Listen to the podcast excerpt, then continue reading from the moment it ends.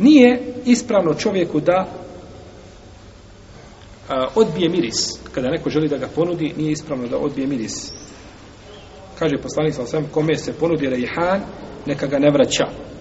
Rejhan je li vrsta miris, neka ga ne vraća, neka ga ne odbija. Kaže, on je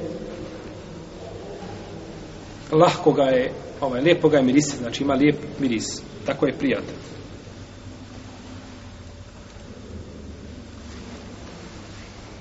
Međutim, braćo, ponekad ljudi koriste mirise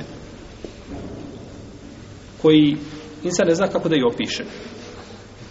Ne znaju to, je to nafta ili naftini derivati, benzin, drnč, čime me mirišeš? Jel u redu?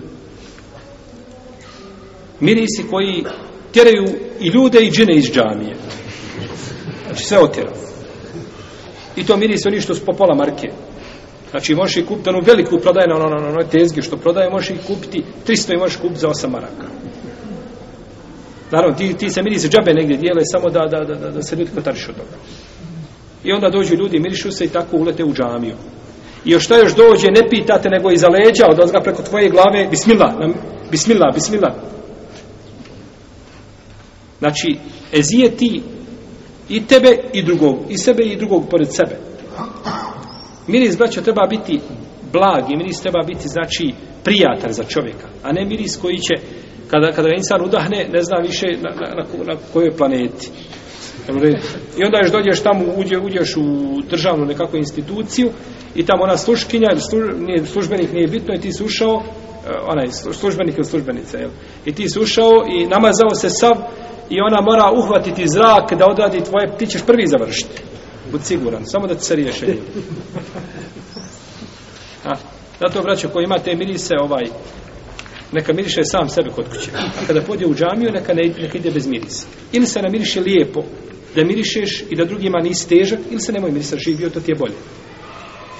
Pa kako nije čovjeka dozvoljeno je zijetiti duhanom da se čovjek namuftira, ali tako, se napuši iz sebe i svoju odiću, i da dođe u smrdljenim čarapama u džamiju, i da se luka najede, tako nije dozvoljeno isto da dođeš ni na mirisom koji tjera ljude van džamije, ljudi ne mogu to trpiti, ne mogu ostati nikako, znači, ovaj, skoncentrisani, jer obunava to, jednostavno obunava ljude. To, to vam je, o, gore na koševu, ako ne budu imali kada oni rekoza, ako ne bilo, to vam je, ti su mirise, namjesto rekoza. Ja znam, sad tam braćo, da svako ne može kupiti skup mirisa potpuno zabranjeno. Ali miris treba da bude lijep. Kup se jedan miris za 20 ili za 50 maraka. U 5 godina. Znaš kako ćeš ga koristiti? Samo staviš jednu tačkicu da se skoro ne vidi golim okom. Treba ti povećalo mikroskop da je vidiš.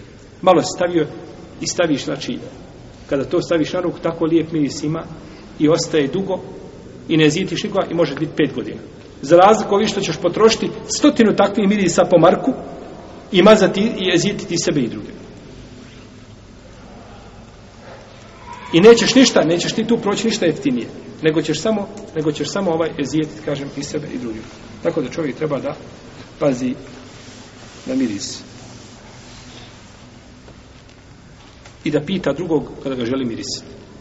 A ne da ga namiriše, onda čovjek mora ići tražiti mal negdje onaj razređivač da to skine, da se toga riješi, da se kotariše takvu miris.